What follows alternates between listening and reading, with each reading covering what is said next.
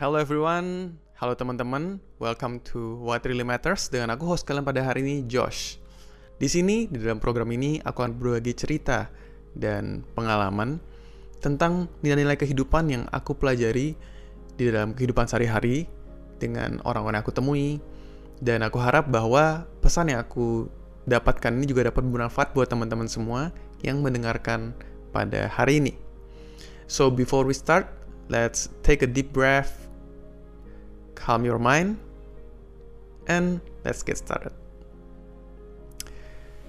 Jadi episode kedua ini bisa menjadi salah satu episode yang aku bisa bilang bahwa ini episode yang paling salah satu yang paling akan aku suka. Kenapa? Karena di sini dimulai dengan quote yang juga salah satu quote yang paling aku suka. Yaitu you are going to die. Agak aneh awalnya ketika mendengar kenapa kata-kata you are going to die menjadi satu quote yang um, aku sukain. Dan mungkin teman-teman yang mendengarkan bagaimana ini sifatnya menjadi satu hal yang motivasional. Kalau what um, you are going to die itu artinya kan kamu akan mati. Kenapa ini jadi satu hal yang motivasional atau bisa memberikan banyak insight? Teman-teman mungkin kita bisa mulai dengan pertanyaan seperti biasa jika teman-teman saat ini menjalankan kehidupan, kita saat ini juga kebetulan hidup dalam kehidupan yang penuh dengan kejutan. Banyak hal yang kita nggak pernah tahu, tapi bisa terjadi. Dan unfortunately, juga kita nggak pernah tahu sebenarnya seberapa lama sih kita bisa hidup. Tapi bayangkan, teman-teman, jika kematian itu memang datang tanpa kita pernah tahu kapan. Dan tiba-tiba kita tidak menjalankan aktivitas, kita menemukan our last day. Yang kita nggak pernah tahu, karena sudden. What will you do? Jadi pertanyaannya adalah, jika teman-teman saat ini sedang menjalankan aktivitas mengejar mimpi atau menjalankan kehidupan atau lagi struggling apa pun yang sedang dialamin, tiba-tiba the last day itu datang. Tanpa kita ketahui, tanpa kita sadarin, jebret tiba-tiba and bye-bye. We are not on this earth anymore. What will you do? A moment before it, if you have the moment. So,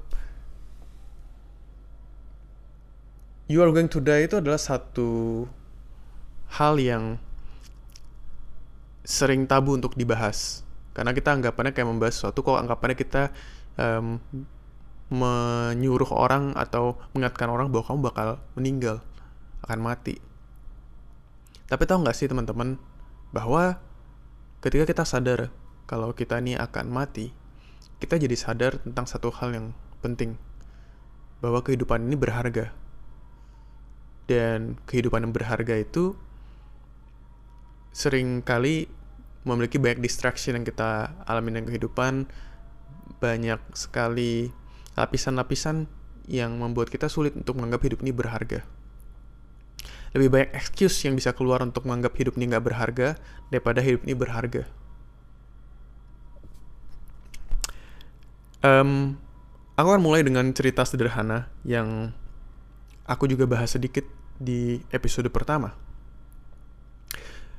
Ketika teman-teman teman-teman tahu dari episode pertama bahwa aku memulai uh, bisnis itu dan juga pekerjaan karirku itu ada mulai dari nol. Jadi ketika aku lulus kuliah di tahun 2014, aku dan pasanganku kita sama-sama bersepakat bahwa oke okay, kita mau mulai dari nol karena kita ngelihat bahwa hmm, banyak orang-orang yang dikatakan pada saat dari relasi mereka cuma bisa orang sukses itu bisa dalam uh, orang sukses itu bisa lahir dari mana sih? Lahir kalau nggak mereka dari keluarga yang sudah kaya atau mereka memang dapat kesempatan untuk dapat meneruskan usaha orang tuanya.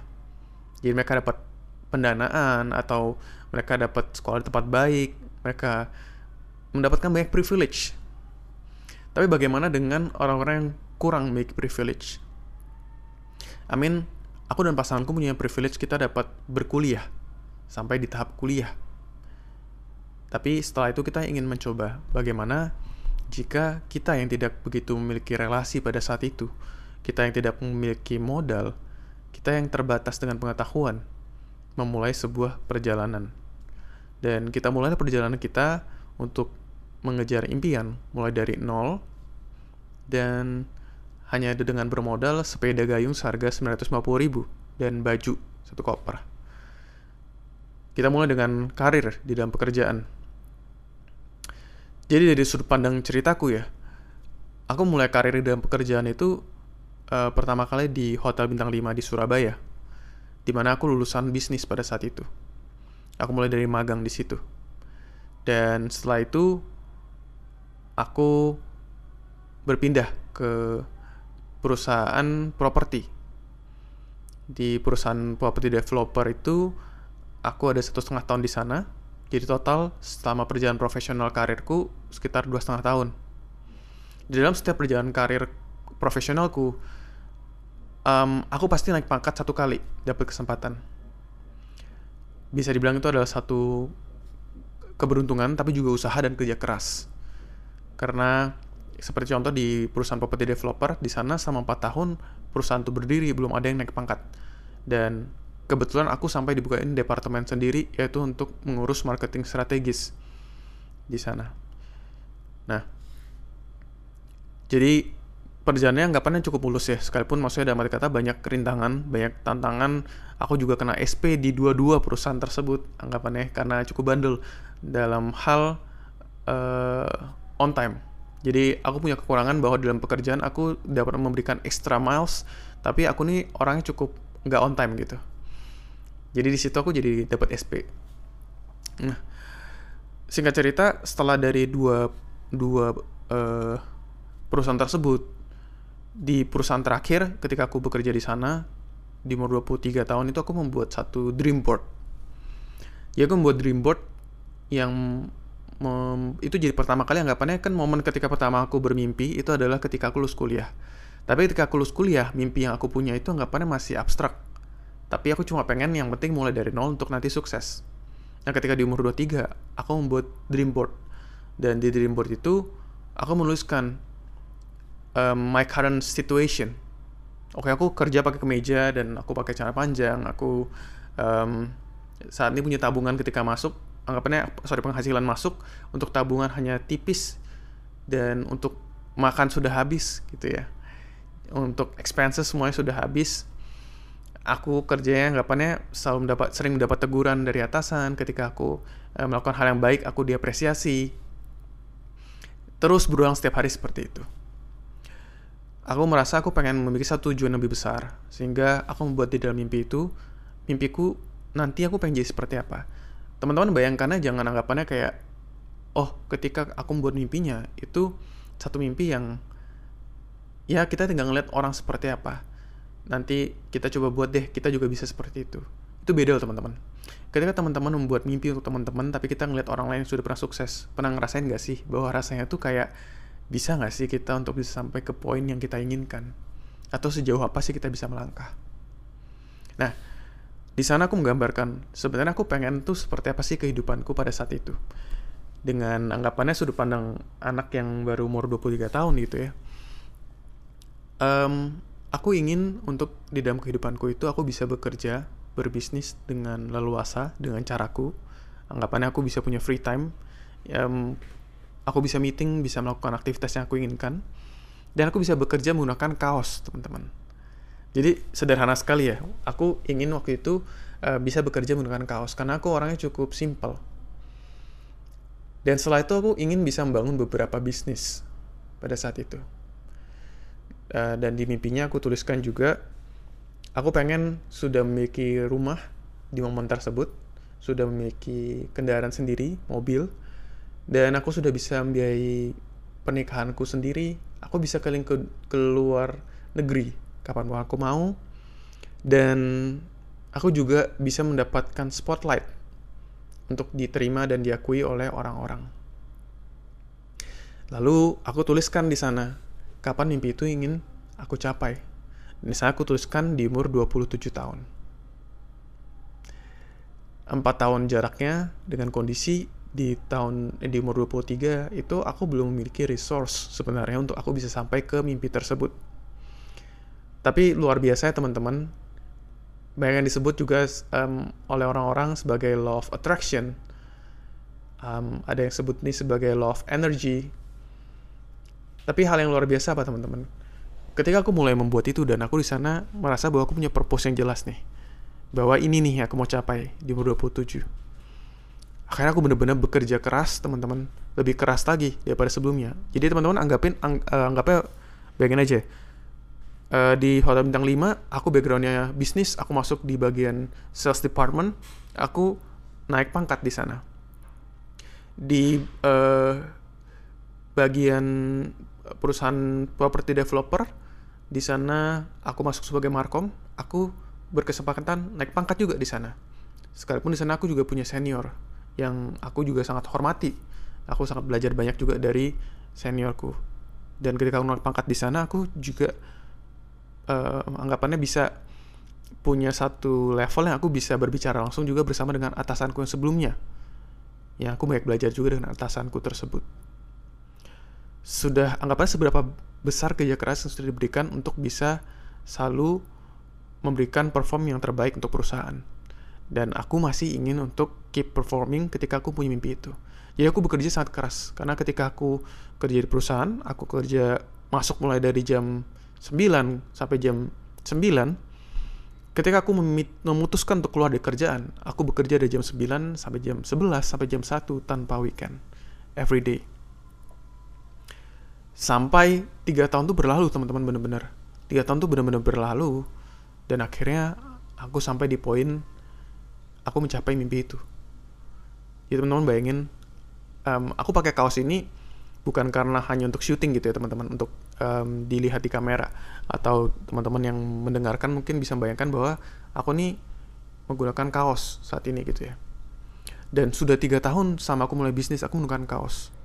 Ketika aku ketemu dengan big boss ketemu dengan klien besar aku juga menggunakan kaos. So um, apa yang aku inginkan tuh tercapai.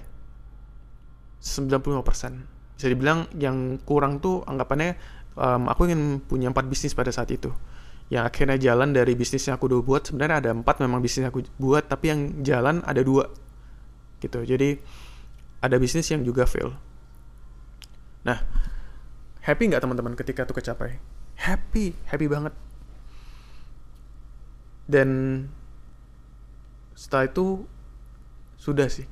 Jadi setelah happy ya udah bakal kembali lagi. Oke okay, mesti ngurusin klien lagi mesti terus berjuang lagi gitu. Jadi kayak never ending gitu teman-teman.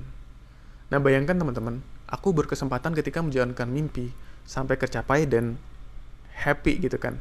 Bisa capai di sana. Tapi dalam proses struggle tiga tahunnya itu lebih banyak memang semangat tapi semangat yang sambil capek juga sebenarnya teman-teman. Tapi nggak disadarin karena nggak aware sama diri. Sebenarnya tubuh ini capek. Nah, bayangkan buat orang-orang atau teman-teman yang sedang dalam, dalam proses yang sama ya, senang untuk mengejar mimpi, tapi nggak nyampe ke tiga tahun itu. Tapi kita udah sudah perlu meninggalkan bumi ini, meninggalkan dunia ini, ketika kita baru di tahun pertamanya. Jadi kita nggak sampai untuk mencapai mimpi itu. Gimana? Di situ aku juga jadi belajar teman-teman bahwa ternyata ketika udah mencapai di poin yang kita inginkan itu ya biasa aja sih teman-teman. Happy tapi ya udah gitu aja. Yang mungkin jadi hal yang menyenangkan kita punya pengetahuan dan pengalaman. Tapi untuk aku pribadi mungkin teman-teman pasti punya sudut pandang yang lain ya. Dan aku sangat apresiasi setiap sudut pandang yang ada karena kita human kita punya sudut pandang berbeda-beda. Di sini aku pengen cerita bahwa aku mencapai itu semua biasa aja ternyata teman-teman. Nah aku jadi malah merenung teman-teman ketika di momen pandemi ini. Di bulan Mei aku cerita di video pertama. Di sana aku merenung dan uh, salah satu renunganku ada tentang look inside ketika aku merasakan emptiness. Nah renungan renungan yang lain yang aku alami itu related dengan um, quote ini, you are going to die. Aku berpikir selama hampir satu bulan teman-teman, itu gimana kalau aku ini mati? Kalau misalnya besok aku mati, apa sih yang um, sebenarnya akan aku rasakan ketika aku tahu hal tersebut? Di sana aku jadi uh, melakukan sebuah research untuk melihat ke data yang ada. Dan ternyata research shows teman-teman 90% orang di usia 50 tahun merasakan yang namanya regret. Jadi sebenarnya lawan daripada kematian itu adalah salah satunya itu adalah regret, teman-teman. Ketika kita udah ngelewatin satu perjalanan yang panjang dalam kehidupan, boleh deh eh, perjalanan itu ternyata yang kita anggap menuju kesuksesan secara finansial atau yang kita inginkan untuk dapat dilihat luar biasa oleh orang. Tapi pada akhirnya nyata itu semua kalau memang itu bukan hal yang benar-benar matters buat kita, kita bisa hidup di hari tua atau pada saat menjelang kematian dengan yang namanya regret.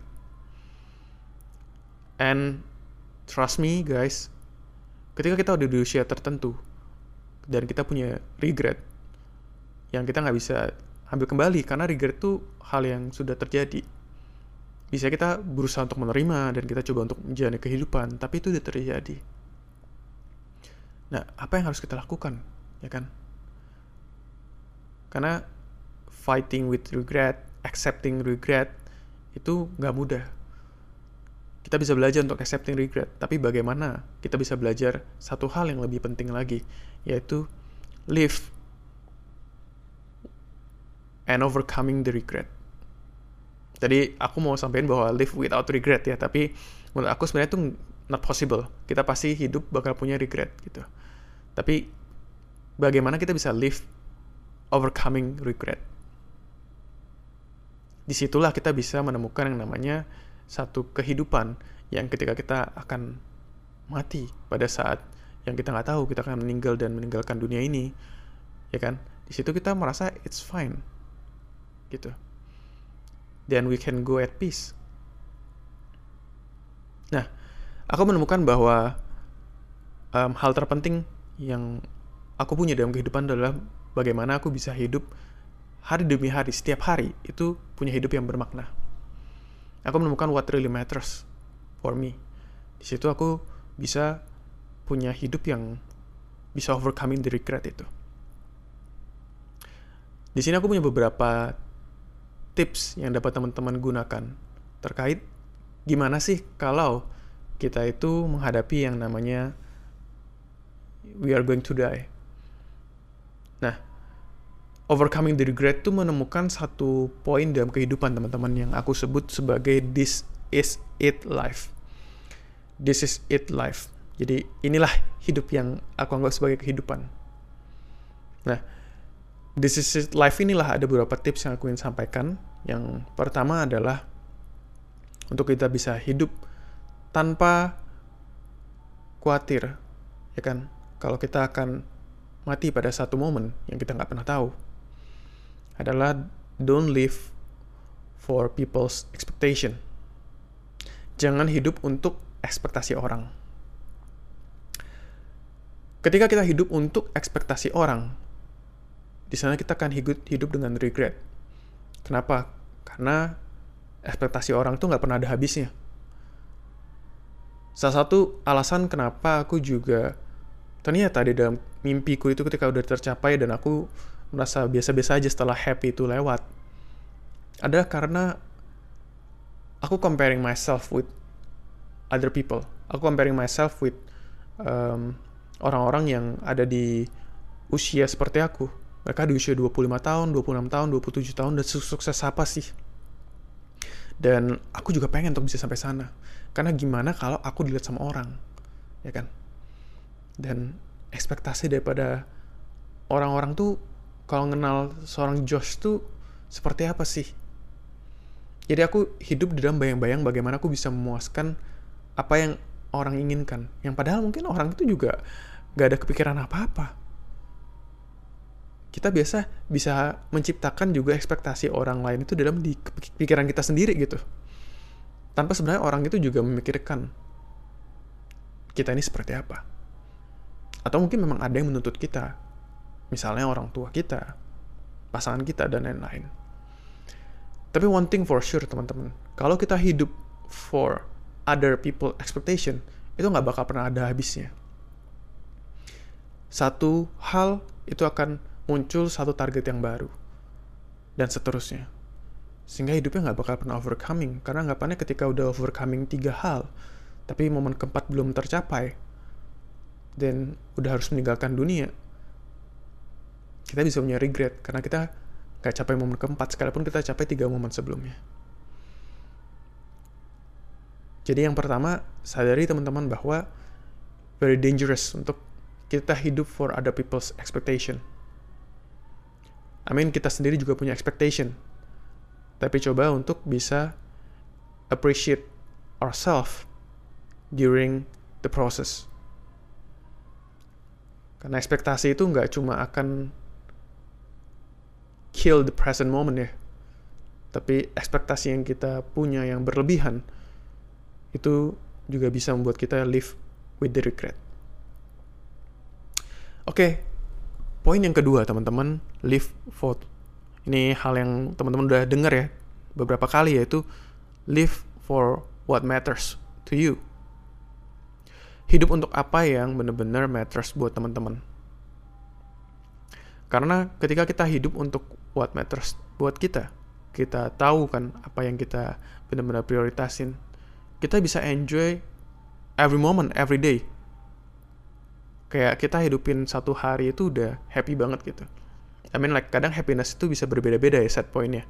Kita bisa happy-nya sangat happy banget gitu kan anggapan mungkin di momen spesial kita ulang tahun atau kita ketemu dengan keluarga udah lama gak ketemu tiba-tiba anggapan pandemi selesai itu kita bisa happy banget excited. Tapi tahu nggak bahwa kita bisa punya kebahagiaan itu di hal-hal yang sederhana? Karena what really matters buat kita itu biasanya bukan hal-hal yang kompleks tapi hal-hal yang kita reflect back itu sudah ada jadi what really matters pasti identik dengan kebahagiaan yang sederhana for example teman-teman kebahagiaan sederhana yang aku punya mungkin bisa jadi referensi juga buat teman-teman ketika aku bangun pagi dan aku take a deep breath, di sana aku juga bisa merasa mulai merasakan syukur, kebahagiaan bahwa aku masih hidup nih. Dan ketika aku keluar, I get myself to see the sky, the cloud, langit yang sangat indah. Itu udah jadi satu kebahagiaan tersendiri. Ketika aku bisa makan bersama dengan pasangan aku, ya kan, um, makan aku masak sendiri atau kita delivery melalui online, makan berdua aja sambil ngobrol, kadang sambil nonton video gitu kan di YouTube itu udah happy buat aku nah hal-hal kebahagiaan-kebahagiaan sederhana inilah yang sebenarnya menjadi hal-hal yang bisa kita nikmati setiap hari. Tanpa kita harus menunggu kebahagiaan-kebahagiaan yang eksepsional atau luar biasa. Dari kebahagiaan sederhana lahirlah kehidupan yang lebih puas. Apa artinya kita harus hidup for less? I think sometimes yes, because less is more. Bukan berarti kita harus hidup dengan penuh kekurangan, tapi kita hidup dengan cukup atas apa yang kita punya, sambil kita terus berjalan maju ke depan. Karena the journey itu satu perjalanan yang terus berjalan. Bukan berarti kita menunggu satu momen tertentu untuk kita merasa happy. Tapi kita bisa happy sama kita berjalan dalam journey ini. Itu untuk yang kedua yaitu live for what matters to you. Lalu yang ketiga, hal yang juga menarik ya teman-teman, yaitu express your feeling and thoughts. Express your feeling and thoughts. Jadi ekspresikan perasaan dan pikiranmu. Ketika kita hidup dalam society, sering kali kita jadi orang yang anggapannya punya topeng dan I think topeng it's fine karena nggak berarti semua orang bisa menerima kita atau menghadapi kita dari dekat. Tapi ketika kita bersama orang dekat kita, di circle dekat kita, dan kita masih menggunakan topeng karena kita nggak bisa show them who we are atau tell them what we feel, I mean bukan berarti dalam satu poin, oke, okay, aku mau show everything gitu kan. Terus kita langsung marah-marah aja sama dia dan kita lampiaskan ke dia. Itu beda. Itu bukan express. I mean like it's part of the express, tapi kita akhirnya malah bisa melukai orang lain. Kita bisa express tanpa kita destroy atau hurt someone. I mean like kalau mereka sampai terluka, tapi bukan berarti kita kayak menggunakan fisik gitu ya atau sampai mengatain mereka dengan hal-hal yang terlalu kasar. Itu at least mereka bisa memahami, bisa belajar untuk mendengar apa yang kita alamin. Itu udah oke. Okay. Tapi kita bisa mulai mengeluarkan sebenarnya. Apa sih yang sebenarnya sama ini mengganjel? Yang buat kita nih di perasaan kita tuh, saya ada aja yang gak enak. Nyesek. Gak bisa disampaikan. Atau bahkan pikiran kita nggak pernah plong rasanya.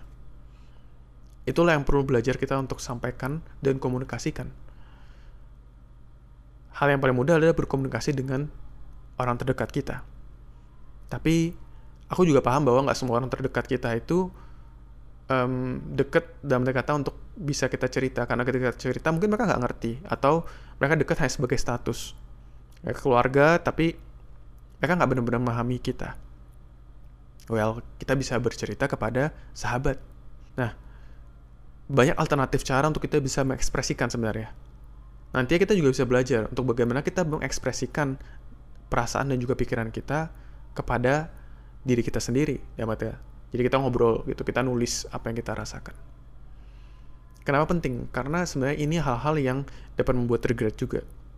Dapat membuat kita nggak bisa enjoy the life. Karena kita keep the trash, keep something in our mind, in our heart, yang nggak bisa kita komunikasikan. So, start to express with people, ya kan? With professional, atau with yourself, dengan menuliskan apa yang dirasakan dan dipikirkan. Are you ready for number four? Untuk nomor empat, teman-teman, bagaimana kita bisa live the this is it life adalah give space to yourself to be happy. Give space to yourself to be happy. Teman-teman sadar nggak sih, sering kali kita tuh menuntut kita, diri kita tuh terlalu keras jadi kita nganggapnya ini nggak cukup. Kita harusnya bisa lebih. Dia sampai sana poin sana. Kita harus bisa lebih. Dan harusnya nggak sampai di sini aja sih. Akhirnya kita jadi menuntut diri kita terlalu keras. Ketika kita udah mencapai sesuatu, yang kita pikirkan apa? What next? Setelah ini what next? Setelah ini what next? Nah, di sini aku ingin menyampaikan bahwa aku nggak menentang sama sekali tentang mimpi, teman-teman karena even until now I also live for dreams tapi poinnya adalah berikan space untuk diri kita itu bisa menjadi bahagia. Reward ourselves ketika kita udah mencapai satu milestone tertentu boleh kok kita mengapresiasi diri kita. Thank you ya karena aku diriku ini sudah berusaha keras sampai ke poin ini. Boleh kok untuk kita merayakan dengan kita makan makanan kesukaan kita, kita traveling, kita nonton, kita give space untuk rest. Apa pun cara kita teman-teman untuk kita bisa give space to ourselves, to be happy, to reward ourselves, di situlah kita bisa menemukan satu momen di mana kita tahu bahwa hidup ini sebenarnya uh, menyenangkan. Bukan berarti kita hidup untuk uh, bergerak maju itu nggak menyenangkan. Tapi ternyata kita bisa appreciate bahwa setiap langkah kita itu berarti bahwa loving the process itu juga sama seperti bagaimana kita bisa loving the result bahkan lebih luar biasanya lagi karena setiap journey kita itu jadi sebuah langkah yang dapat kita apresiasi di situlah kita punya momen to let ourselves to be happy Poin yang terakhir teman-teman yang ingin aku sampaikan adalah poin yang kelima. Yaitu enjoy the moment. Teman-teman dengan kita enjoy the moment dan kita tahu bahwa setiap momen yang kita punya itu adalah momen-momen yang berharga. Di situ kita bisa mulai memahami this is it life. Sebuah hidup yang kita overcoming the regret. Nah, enjoy the moment itu perlu satu state di dalam diri kita untuk be present. Jadi ketika kita bangun pagi, kita bisa sadar tentang, oke okay, kita lagi bangun pagi. Kita nggak nyambi bangun pagi, kita langsung buka gadget untuk kita lihat um, apa sih status terbaru, apa video terbaru, langsung scrolling. Tapi kita bisa sadar, kita lagi bangun pagi nih, kita baru habis tidur. Ketika kita beraktivitas, kita mandi, kita sadar, kita lagi mandi, kita menikmati mandi. Ketika kita lagi makan, kita sadar, kita ini lagi makan. Sehingga momen-momen spesial makan yang sederhana pun juga jadi menyenangkan. Bahkan makanan-makanan yang kita, makanan instan kita makan, makanan mewah yang kita makan, apa pun yang masuk ke dalam tubuh kita, kita jadi sadar ketika kita be present, ketika kita be mindful. Nah, ketika kita tidur, ketika kita kerja, kita juga sadar betul nih. Kita be present, kita enjoy the moment.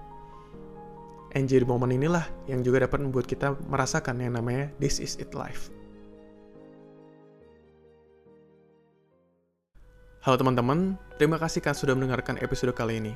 Jika kamu merasa bahwa episode ini bermanfaat untukmu, Mari kita bagikan lebih banyak lagi kepada orang lain, karena kita tahu bahwa energi itu contagious, energi itu menular, sehingga energi apa yang kita bagikan kepada orang lain itu akan bermanfaat juga dan berdampak untuk mereka. So, let's spread good things, let's spread good vibes, and let's have a good life. Aku Jos, sampai ketemu lagi dalam episode What Really Matters berikutnya. See you!